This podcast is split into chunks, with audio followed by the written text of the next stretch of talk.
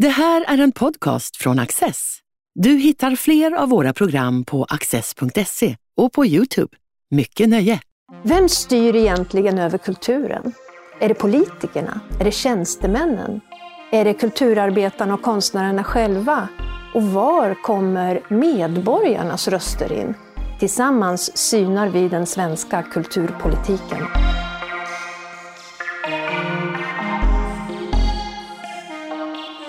Kulturpolitisk forskning orsakar sällan några större debatter i Sverige, men en av dem som fått diskussionen att hetta till är Roger Blomgren, professor vid Högskolan i Borås. Han har intresserat sig för makten över kulturen och vem som sitter på den.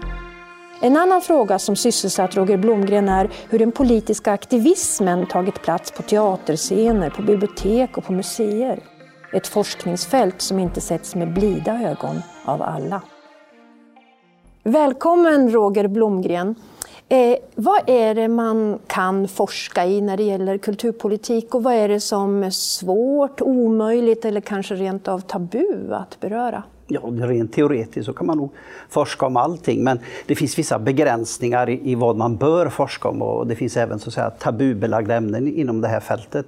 Absolut. Eh, ska man bli populär som forskare och få forskningsmedel ifrån sektorn så ska man ju halt jobba fram någon forskningsplan som visar på att allt det de gör inom sektorn är bra.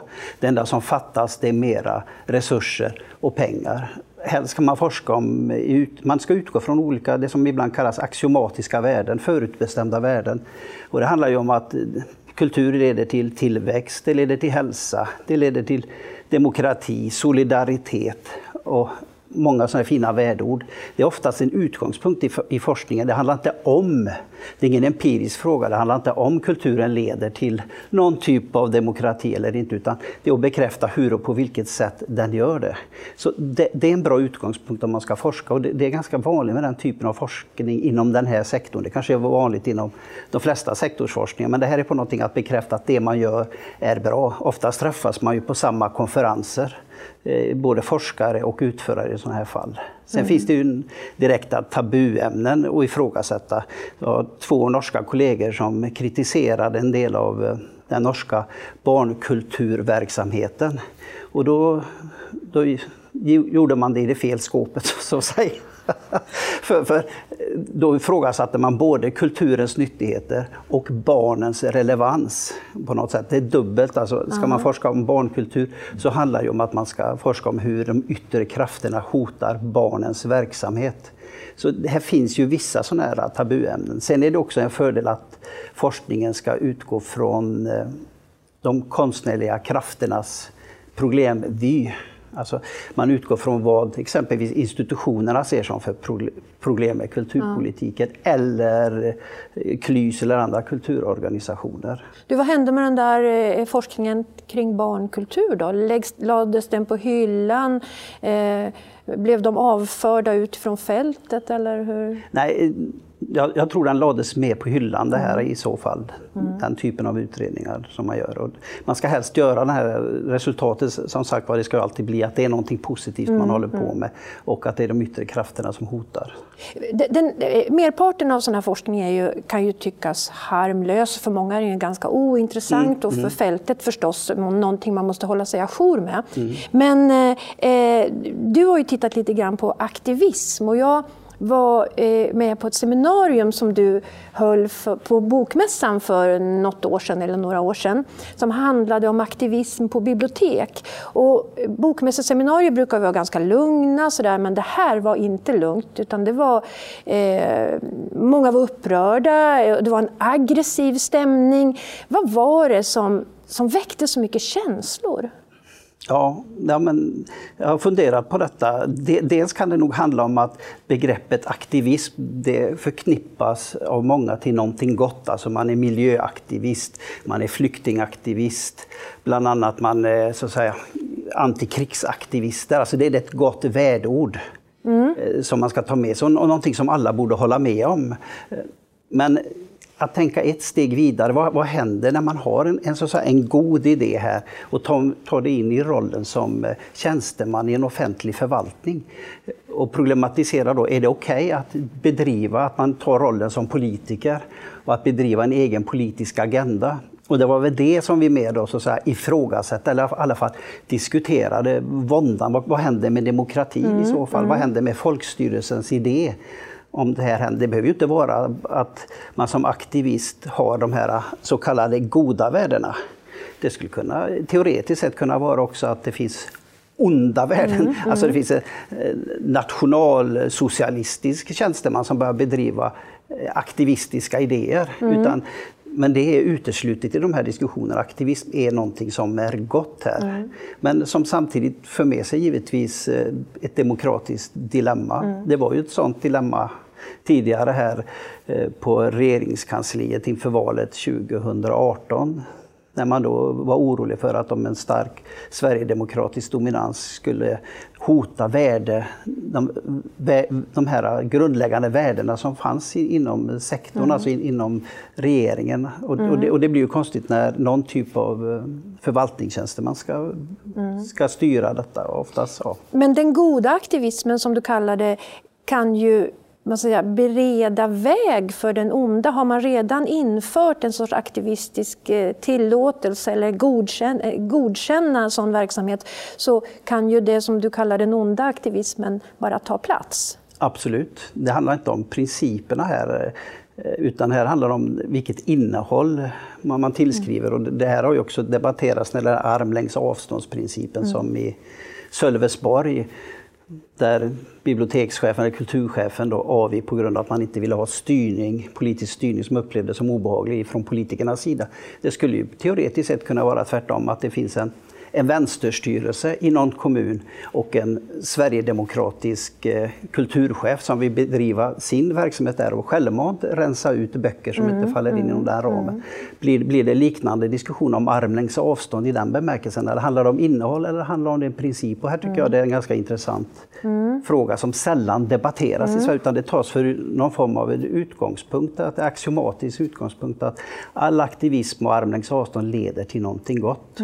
Vi ska återkomma till det där med mm. armlängds avstånd, för det är Absolut. ju hyperintressant. Men ja. jag tänkte bara fråga, vad är det för skillnad på den aktivism som eh, vi... Alltså man kanske förknippar aktivism mycket med 70-talet. Då, då eh, mm. 70-talskulturen var ju liksom så genomsyrad av sådana mm. värdeord. Men vad är skillnaden mellan aktivismen på 70-talet och aktivismen idag? Ja, ja 70-talet, det, det som du säger, den var ganska starkt influerad, men den var ju starkt influerad av så att säga, socialistiska värderingar.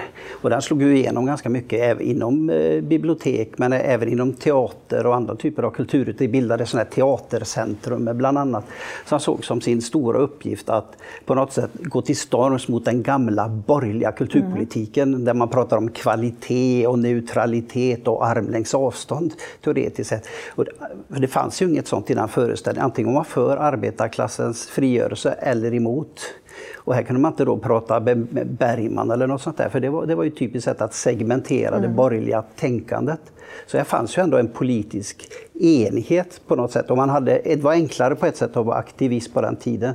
Då fanns det e, några gemensamma fiender. Det var ju då borgerligheten, kapitalistiska samhället, USA-imperialismen och till viss del också den socialdemokratiska regeringen mm. då, som man ansåg förråda eh, arbetarklassen på den tiden. Och så fanns det ju en lösning där. Det var ju socialismen som en idé. Det gick ju pilgrimsresor till bland annat Kina då på den tiden också för att på något sätt hur man skulle då förverkliga det här. Mm. Så det var en enklare värld. Man hade ett gemensamt mål och några, ett gemensamt så säga, fiende här på det sättet. Och idag då? Det är lite värre idag med aktivister att jobba på det sättet. Eh, vad jag upplever, de här aktivi aktivistidéerna som finns, det är att man, det finns en mer, så att säga, man är defensiv nu för tiden. Det gäller att rädda det som räddas kan. Mm. Man värnar mycket om, så att säga, pratar väl om Olof Palme och den gamla välfärdsstaten. Eh, arbetarklassen är ju nästan borta nu i den här som som några man ska stötta och tycka synd om. Till viss del kan ju det bero på att det hände ju någonting efter 89 och, och arbetarklassen idag finns, finns det ju stora tendenser på att de inte röstar socialistiskt Nej. överhuvudtaget. Så här, nu finns det ju då andra dilemman eller andra grupper då som man värnar om istället och det är ju en mängd olika givetvis. Då. Det är hbtq-aktivism, det är religion, det är etnicitet och det kan vara genus bland annat. Då. Men, men som sagt var, det finns en mängd olika grupper. Förr var det arbetarklassen, mm. nu är det fyra, fem, sex, sju, åtta mm. olika grupper mm. som man ska på något sätt värna och på något sätt föra talan för. För oftast i de här föreställningarna så kan ju grupper själv inte föra sin egen talan utan måste ha någon, någon form som uttolkar deras reella behov och mm. värderingar mm. egentligen. Mm. Så det är ju ett dilemma idag mm. på något sätt att föra den här kampen för så många som i sin tur kan också ha ganska det är motsättningar emellan de här grupperna. Mm. Sen finns det väl eh, det som på något sätt liknar 70-talet, det är att man fortfarande är kritisk mot någon form av eh, statlig neutralitet som det står i, i regeringsformen, att stat, statlig tjänsteman ska vara opartisk och, och, neutral i sin tjänst. Utan här finns det ju någonting gott som man ska jobba för. Mm. O, oavsett nästan om man får på smäll av JO eller något sånt där. Så där finns det någon typ av likhet. Mm. Men ändå, ändå är det någon form av olikhet. För mm. Det här med socialismen är ju helt borta. Det är någon, ja, någon socialliberal föreställning här, någon som ska skydda grupper som man, som, som man, man, tycker behöver skyddas. Mm, mm. Och den är inte lika kontroversiell på ett sätt, den är inte lika kontroversiell idag eftersom även från statens nivå så går, ut, går det ut sådana här typer av påbud. Mm, mm. det, bara, det, mm. det, här med makt och inflytande är ju något av ditt specialområde i forskningen mm. och du, det är rätt få personer som sysslar med det här på den nivå som du gör. Och då tänker jag på en rak fråga då, Eh, vem är det som styr, eller vilka är det som styr kulturpolitiken? Är det politikerna? Är det tjänstemännen? Är det konstnärerna och kulturarbetarna? Eh, och var kommer medborgarens röst in? Mm. Ja, men, men det är en intressant fråga. Jag kan börja med att medborgarna styr inte politikerna styr väldigt lite. Om man tittar på det i så säga, ett historiskt perspektiv så, så, har det varit väldigt svårt för politiker att driva igenom reformagender inom det här området om det visar sig att eh, kulturens aktörer i form av olika intresseorganisationer eller när, om institutionerna själva inte gillar det här, då är det svårt att driva igenom eh, sina reformintentioner. Och det finns ju exempel på det på 70-talet, de kulturpolitiska målen, så eh, två av målen var ju bland annat, ett var att man skulle ha en geografisk tillgång, oavsett var man bodde mm. i Sverige så skulle man ha möjlighet att kunna gå på teater. Eh, och det andra var att eh, man skulle minska de sociala klyftorna inom kulturlivet.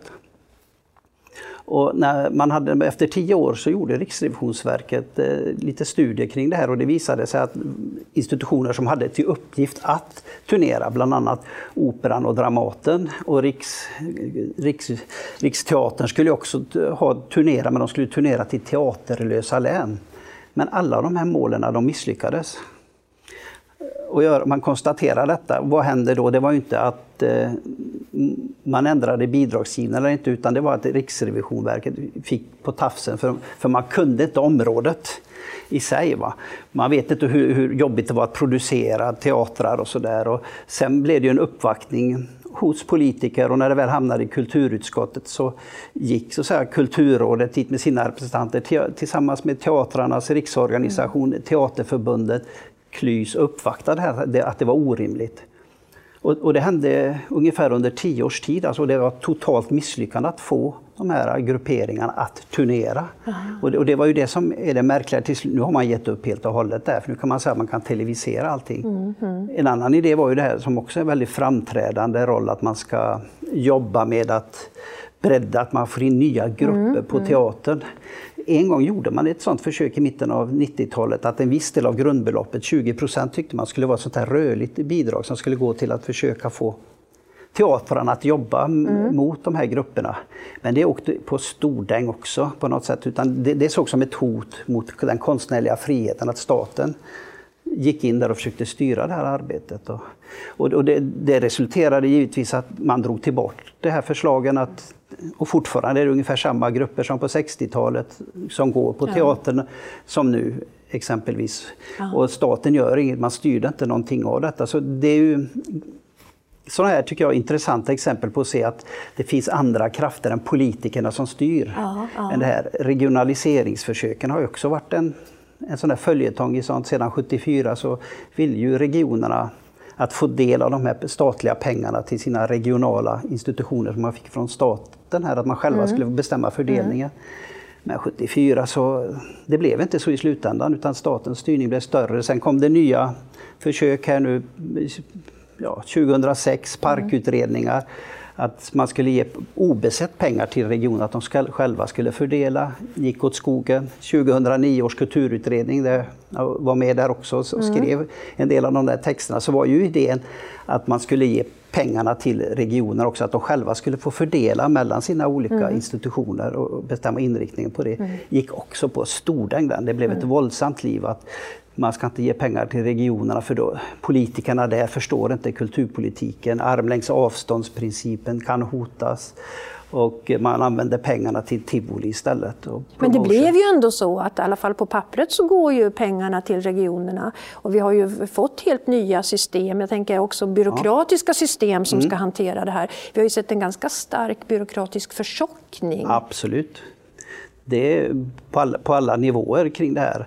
Eh, men, men slut, alltså resultatet egentligen av den här reformen, samverkansmodell, har ju blivit att det är ju Kulturrådet som har stärkt sin makt mm. ganska mycket. Förut så fördelade ju Kulturrådet ut pengarna till just specifika, alltså till de här medlen till institutionerna som fick statliga medel, alltså den här regionala teatern och museerna och så vidare. Nu ska man ju godkänna en hel kulturplan mm. som regionerna ska lämna in. Mm. Så de sitter, Kulturrådet kan man ju säga sitter där som domare mm. för att på något sätt styra upp att eh, kulturens, att de kulturpolitiska statliga målen genomsyrar allt och allting som man gör ute i regionerna. Mm. Och det, och det, det, är ju den här frågan om vem som... Det, det är svårt att fånga det här, men mm. den här makten att göra det, det, det, är ju klart stöds av starka kulturintressen mm. som, som, i de här remisserna kring det här var väldigt kritiska mot just att ge kommunerna och regionerna någon makt överhuvudtaget här. Men du beskriver då de här exemplen som du mm. tog upp också från lite förr i tiden så där beskriver du en väldig närhet mellan organisationer, mellan mm. politiker, mm. alltså en sorts starka nätverk mm. som liksom gör upp lite grann bakom kulisserna. Är det så idag också? Det, är svårt att, mäta hur och på vilket sätt det är, men, men, men förr som du säger så var det ju mera explicit. Man träffade, mm. på 70-talet så träffade man KLYS och presenterade alla propositioner och budgetpropositioner som hade med konstnärernas eh, verksamhet att göra för att på något sätt försöka skriva, skriva så att det inte skulle bli allt för negativt här. Mm, och, det, mm. och, på ett sätt så är ju det grund, ligger det i grunden att Sverige har ett väldigt så att säga, ett korporativistiskt system. Alltså kulturpolitiken har ju dominerats mycket historiskt sett av starka intresseorganisationer som Författarförbundet exempelvis. Mm som får med KRO är också sådana starka organisationer. Och det har ju mm. absolut inget med armlängds avstånd att göra heller som handlar om kvalitet, utan där sitter man i egenskap att man representerar en organisation. Mm. Och, det, och, där kan man väl säga också att det, det, är också ett starkt inflytande den gruppen har. Mm, du menar i styrelserum, ja, i styrelserum och, i referensgrupper och, och så? Absolut, ja. och mm. utanför styrelserum tillsammans då med, du, du, nämnde tidigare här om byråkratiseringen mm. som har skett. Att där finns det också en ganska stark tendens att eh, ökad makt just till tjänstemännen här och mm. samverkansplaner har ju också både centralt men även på regional nivå gjort att det har blivit en ganska stark, så att säga, de som arbetar med det har ganska stor makt mm, här mm. för att fördela de här pengarna. Mm. Men det, vi kommer in på det här med armlängds ja, avstånd. Ja. Det, och det är, ju, det är ju nästan som ett mantra i kulturpolitiken. Ja, eh, Politikerna ska hålla mm. sig ifrån det, det, som konstnärerna och kulturaktörerna gör.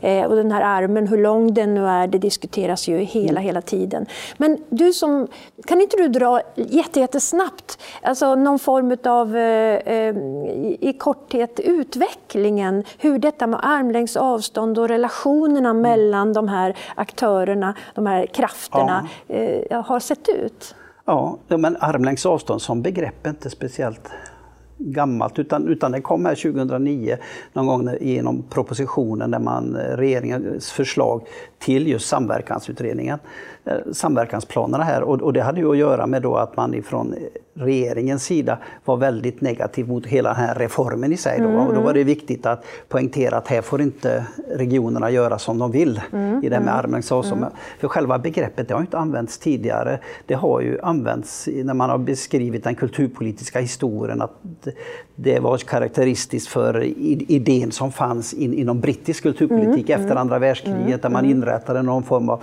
halvofficiellt organ som finns som beforskades med lite experter av olika mm, slag som fick en klump pengar ifrån sin regering att själva fördela ut till det de tyckte var god konst. Mm. Men den funkade bara så under några år och den blev ju starkt kritiserad. Dels att det bara blev, gick till Stockholm, eller till, till Londonkonstnärerna. Mm, mm, mm.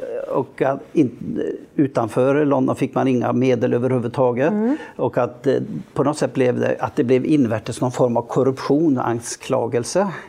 Sen blev det attackerat ifrån eh, Cultural Studies, alltså vänstern, att det bara gick till borgarklasskultur.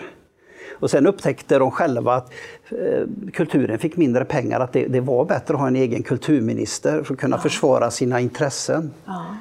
Och, och sen upphörde ju det här med armlängds avstånd. Sverige har ju aldrig varit ett armlängds avståndsland överhuvudtaget utan man har ju karaktäriserats ofta som det som kallas arkitektmodellen. Mm, mm. Med med ett departement, ganska starka myndigheter som ska genomföra detta, starkt inflytande av, som jag nämnde tidigare, intresseorganisationer, alltså ett riktigt politikområde.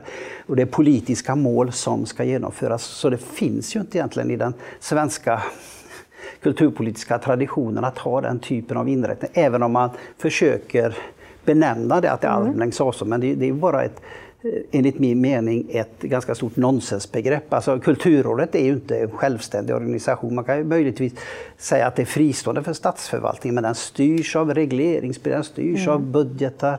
Så det, det, är ett knepigt begrepp. När man det pratar... passar liksom inte egentligen på svensk kulturpolitik, armlängds avstånd? Nej, nej, det gör inte det. Och sen blir det än mer problematiskt när man har börjat prata om armlängds, armlängds avstånd. Från början handlar det om att konsten skulle vara fri, man skulle inte gå in och styra konstens innehåll. Mm, det var mm. det som är det primära. Mm. Men i Sverige idag så har jag tolkat, så det är ju ganska uppenbart att det handlar egentligen om att tjänstemännen inte ska ta order ifrån politikerna. Alltså det är tjänstemännens autonomi, inte kulturens autonomi. Och det, det tycker jag det, det, har blivit ett förstärkningsord, ungefär som demokrati eller solidaritet. Och det, det är någonting gott istället för, så finns det ju sådana onda ord som fascism eller Thatcher, a new public management, som ska karaktärisera allt ont. Så, ja. så det, det, det, är som jag säger, att det, det ordet har inget formellt...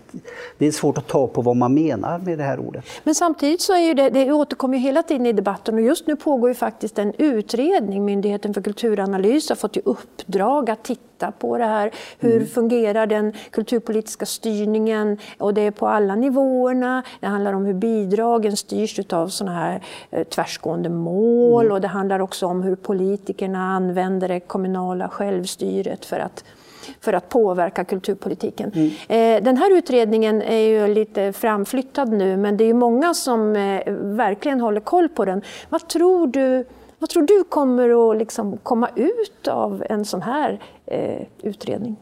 Ja, men, ja, förhoppningsvis så kommer det ut att det här begreppet är ganska bluddrigt, att man måste definiera vad menar man med styrning? Vad menar man med legal styrning, illegitim styrning i sådana här sammanhang? Eh, när man pratar om den lokala nivån, det, det som hände som vi nämnde tidigare i Sölvesborg, på den nivån så finns det officiellt ingen armlängds avstånd. Det är det som är dilemmat där mm, eftersom mm. politikerna är de som beslutar om medel men man har ju också ansvar för att genomföra det här. Mm. Så där är man ju i bägge i, i politikfälten, både så att säga, beslutare och genomförare av politiken. Så där, där vet jag inte vad man ska komma fram till inom den, om man ska fortfarande ha någon form av eh, kommunalt självstyrelseidé eller ska man gå in från staten att reglera vad man ska få säga, då, då på något sätt upphäver man ju hela den kommunala självstyrelsen. Och det, det tycker jag är det, det, kan vara märkligt, så det blir väldigt intressant att se vad de kommer. Men om man ska prata om styrning så är ju inte det som är det stora problemet. Eh, att det här att styrningen enbart handlar om konstnärernas eh, uppfattning kring detta. Eh, det på något sätt visar ju på hur starkt, jag sa förut, att det här perspektivet, producentperspektivet har. Mm. En styrning som jag skulle vilja se, det är ju problemet med att vi har kulturpolitiska mål i Sverige, som att bland annat man ska fortfarande ge så många som möjligt delaktighet att delta i kulturlivet. Mm. Man ska skapa kreativitet. Alltså det, det, är de en av de mest övergripande kulturpolitiska målen som finns. Mm, Då hade man, och det har totalt det har havererat under många år och ingen forskare, ingen kritiserar det här på något större sätt.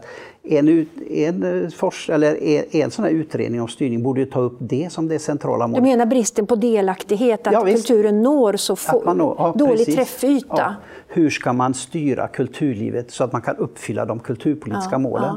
Så länge man har kulturpolitiska mål och säger att de betyder någonting så måste det finnas medel för att uppnå dem. Ja. Och gör det inte det, och det, det finns ju risk för det när, när styrningen uppfattas bara att man inte ska blandas i kulturpolitiken, då blir alla de kulturpolitiska målen ganska meningslösa i sig. De finns där bara som någon fin tablå i bakgrunden. Du, jag tänkte på armlängds avstånd är ju ett, mm. eh, på ett vis slitet begrepp eller ja. ett mantra som vi sa. Eh, ett annat sånt där begrepp som valsar runt är ju kultureliten. Eh, det är också eh, någonting man kan kanske leda tillbaka till 70-talet där man, man pratar eh, i de termerna ofta. Finns det en kulturelit idag i ett samhälle som har så många olika sorters offentligheter? Det finns ju inte bara en offentlighet idag, Nej. det finns många. Nej, nej men den, den, är inte lika tydlig som förr. Absolut inte som den var på 60-70-talet. Man kunde identifiera all kulturelit. Och det, det som du nämnde, det är ett ganska fragmentiserat samhälle. Men kultureliten i sig, den, om man menar, av, men om man avser med de som oftast är aktiva i debatten mm. och sätter dagordningen mm. för hur kulturpolitiken mm. ska se ut som ofta så säga, politikerna är rädda att gå i clinch med, då kan man väl säga då finns det en kulturelit i Sverige som, som fortfarande är ganska aktiva på det sättet, som får då tillgång. Det är alltid en viss grupp som får tillgång till att få sitta i, i soffan och orera på hur kulturens, att kulturen har alldeles för lite resurser, bland annat i, i kultursoffan, i kulturnyheten. Och, ja, vilka och är det då? Ja, men det, oftast, man ser, det är representanter för eh, olika typer av teatrar som sitter där. Sen kan man plocka in halvofficiella kändisar, eller halv, så här, typ, ja, Jonas Gardell är väl ett ganska typexempel som var ute här nu och, och kritiserade kulturministern. Mm. Det är den typen. Men vad vill jag ha sagt med detta? Det är ju aldrig någon som på något sätt som ifrågasätter kulturlivet. Nej det, deras sätt att arbeta. Utan det är att det verkar finnas någon form av konsensus i de här, på de här kultursidorna och även i kulturnyheterna att det finns en ond makt som vill förstöra för kulturen. Nu är det vår gemensamma uppgift, journalister som aktiva i mm. kulturlivet, mm. att värna om den här makten. Mm. Eller mot den här makten mm. givetvis. Mm. Du, jag tänkte på om man skulle eh om, om, om, vi skulle ha de politiker som ritade upp den svenska kulturpolitiken på 30 och 40-talet, kanske ja. så här, som formerade den då, hur tror du att de skulle eh, reagera på om de såg den svenska kulturpolitiken idag? Ja, jag tror inte de skulle vara så glada i, i, i sig, för, för, oavsett eh, Eng Engbergs eh, visioner, han var ju mer kan man säga en konservativ kulturpolitiker. Jag tror han var ju socialdemokrat ändå, givetvis, det var ju alla på den tiden. Men han målade upp att det, var, att det fanns den goda kulturen och målet var ju att alla medborgare på något sätt skulle bilda sig genom att gå på detta. Han var ju väldigt förfärad av att folk lyssnade på dragspelsmusik mm, och jazz och sånt där. Utan hans, hans dröm var ju det, att bland annat då genom att bildandet av Riksteatern, att man skulle nå ut. Mm. Så att medborgarna i sig då skulle se det här fina. Och det har ju fortfarande totalt misslyckats i den bemärkelsen. Det är ju inte, det är inte, det är inte så att eh, medborgare i sig är helt passiva utan medborgarna har, är ju så akt, har aldrig varit så aktiva kulturmässigt som idag. Men det är inte inom den offentliga kulturpolitikens ram. Man ser mer film än någonsin man, man, lyssnar på poddar, man lyssnar på böcker, e-böcker, man laddar ner e-böcker bland annat. Alltså, folk är väldigt aktiva på, på den nivån idag. Det finns många eh, organisationer som bedriver verksamhet ute i kommunerna, hembygdsföreningar, ja, ja. vi har line dance. Alltså, så det pågår en massa aktivitet, men han hade nog varit besviken på att det var fel typer av aktivitet som pågår i, i, i sig. Va? Den, den, han hade nog varit besviken. Och det hade nog många, jag tror kulturpolitikerna är det, för det finns ju ändå den här uh, idén på att folk borde ju inse att det, det, finns någonting gott här. Men folk bryr sig inte om det här. Och det, det är det som är svårt. Och det, det har ju också varit ett sånt dilemma. Hur får man folk att uppskatta det här goda? Mm. Och här fanns ju idéer som är mer tar sig grund i mer så att paternalistiska idéer. Om vi säger Engberg, det, det, var ju mera att det var kulturen, den goda kulturen. Men paternalism menar ju på att då är det inte kulturen i sig som är i centrum utan det är människan. Alltså kulturen mm. kan skapa mm. goda värden hos människor. Aha. Och 51 så fanns det ett socialdemokratiskt idéprogram, Människan i nutiden, som som diskuterar det här problemet att hur kommer det sig att eh, Svarvare Andersson inte gillar samma konst som Britta Andersson som var uppväxt i en fin miljö gillade. Konsten är ju detsamma. Jo, tänk, resonerades det fram att det berodde egentligen på hur hans huvud var konstituerat, alltså att det var ett psykologiskt problem att uppskatta konsten. Eftersom det är samma konst så måste det vara någonting fel i betraktaren av konsten. Så förslaget eh, på den tiden eh, i, i det här programmet det är så att man ska utöka psykologutbildningar och sociologutbildningar för att på något sätt omvända herr Anderssons eh, konst, konstpreferenser här. Och eh, lever den, det här var alltså en offentlig... Det var, en offentlig, det var, det var ett idéprogram från ja. socialdemokratin. Den ja. var ju då grundad mycket de här sociala ingenjörskonstidéerna mm, som fanns, men den blev ju inte genomförd fullt ut på det sättet. Men lever det här på något sätt kvar idag? Ja, men man, man, ser tendenser till att sånt här finns. Speciellt tycker jag den finns i den här debatten som varit nu om normkritik. Och det, det fanns ju ett sånt där känt eh, förslag från Miljöpartiet till ett kulturpolitiskt program mm. som nu har alla glömt av att det fanns då, men där presenterade man idén att samtliga institutionschefer inom museer exempelvis skulle gå normkritiska utbildningar. Och, och det var, idén är att man på något sätt måste lära sig att kritiskt granska och hitta dolda strukturer som finns inom konsten och kunna se, den, eh, se, se vad de, de bryter någonstans mot goda värderingar. Mm. Och, och, den typen av utbildningar då skulle då ledas av dels människor med postkolonial utbildning, människor med genusvetenskaplig bakgrund. Alltså det, det, det är samma tendenser som på 50-talet, fast nu är det då genusvetare och postkoloniala mm, mm. forskare som ska hjälpa oss att se mellan de här strukturerna och kunna läsa konsten på ett speciellt sätt. Mm, mm. Eh, så, så, här finns ju ett, en ganska bra möjlighet för olika forskare på något sätt att göra pengar. Om, om vi säger nu, nu är det ju mer postkolonial forskning som är highlightad i mm. olika sådana här projekt. På 50-talet och framförallt 70-80-talet med videovåldsdebatten så var också psykologer och sociologer mycket anlitade och nu är det då forskare med andra typer av inriktningar. Men bägge delar, att det handlar ju alltså om att omforma. Det är ju inte konsten i sig som är det viktiga utan det är vad konsten gör med oss, mm. för oss människor. Mm. Och det är det som kan vara då någon, någon form av... Och den där utre, eller det där programmet sades ju läggas på hyllan men till en del är det ju fortfarande aktivt, de här idéerna. Eh, det är väl så du menar antar jag? Att det ja, fortfarande liksom, absolut. Att, ja. jo, jo, men det finns ju aktivt. Det fanns ju i, i ett program från Teatrarnas riksförbund, scen, Svensk scenkonst som det heter också, kring det ett handlingsprogram för normkritik, hur mm. och på vilket sätt man ska se, tänka på när man gör pjäser och sätter upp pjäser, allt från masker, hur man pratar så man kränker folk på mm. scenen. Så det är det som är, och det är ju en ganska politisk styrning också. Men allt, och det handlar ju på liknande sätt som 50-talet har sagt, det handlar om innehållet. Alltså, mm. Sen har vi ett annat ben som man kan mer kalla så säga, den pluralistiska kulturpolitiken som, som sjösattes mycket av då från Per Albin Hansson, mm. Tage Erlanders sida som tyckte att då den främsta uppgiften för staten det var att bygga strukturer, alltså bibliotek, teatrar och så, men man skulle inte syssla med vad som var god eller dålig mm. kultur eller vad det kunde göra för oss människor. Och den, den lever ju också fortfarande ja. kvar kan man säga i Sverige idag. Även om man kan tycka det här med att eh, man, man blir frisk av att läsa böcker eller den typen av projekt eller ekonomisk tillväxt. Då blir det ju, den, den handlar ju också om på något sätt styra konsten men, men den, den säger ju ingenting om innehållet Nej, på samma sätt. Det är som sätt. två spår som löper Det är två spår som finns, ja, ja. den pluralistiska och med den så perfektionistiska ja. att vi ska skapa goda människor med konstens hjälp. Men en sista fråga. Eh, vad tycker du Eh, professor Blomgren, vad är det mest angelägna att beforska inom kulturpolitiken idag? Ja, ja men det finns många, många spår här.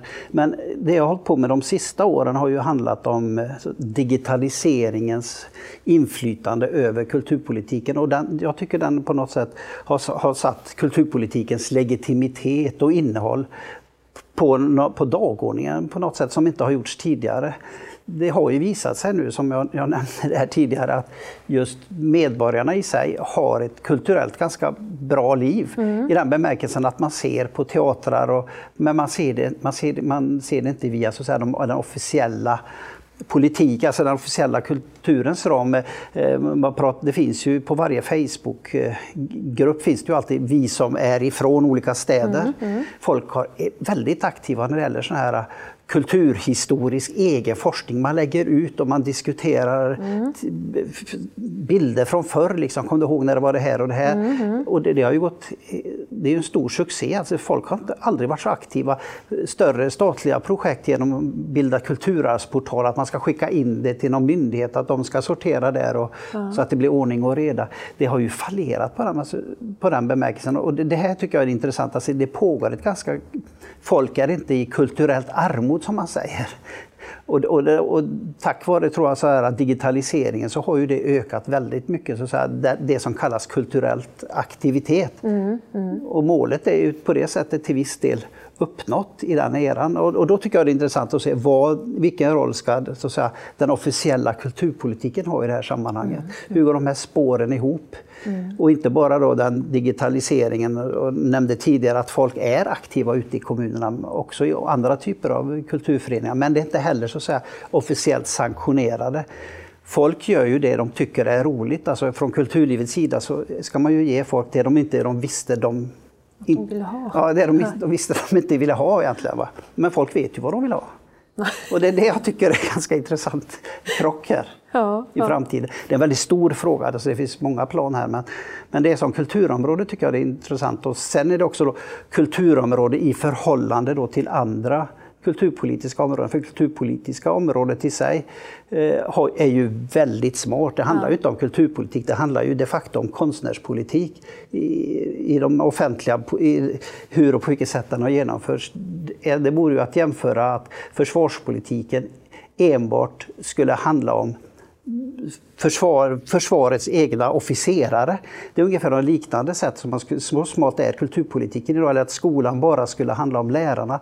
Men bägge de här områdena är ju så mycket större mm. än att det bara handlar om två grupperingar, även om de är viktiga i sig. Men kulturpolitiken fortfarande är att det handlar bara om konstnärernas ve och väl.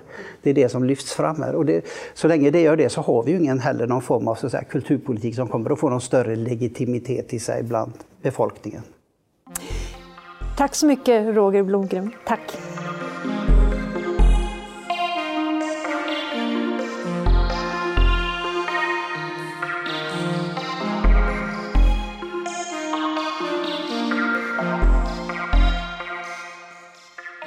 Du har just lyssnat på en podcast från Access. Du vet väl att vi också är en tv-kanal och tidning? Teckna en prenumeration idag på access.se.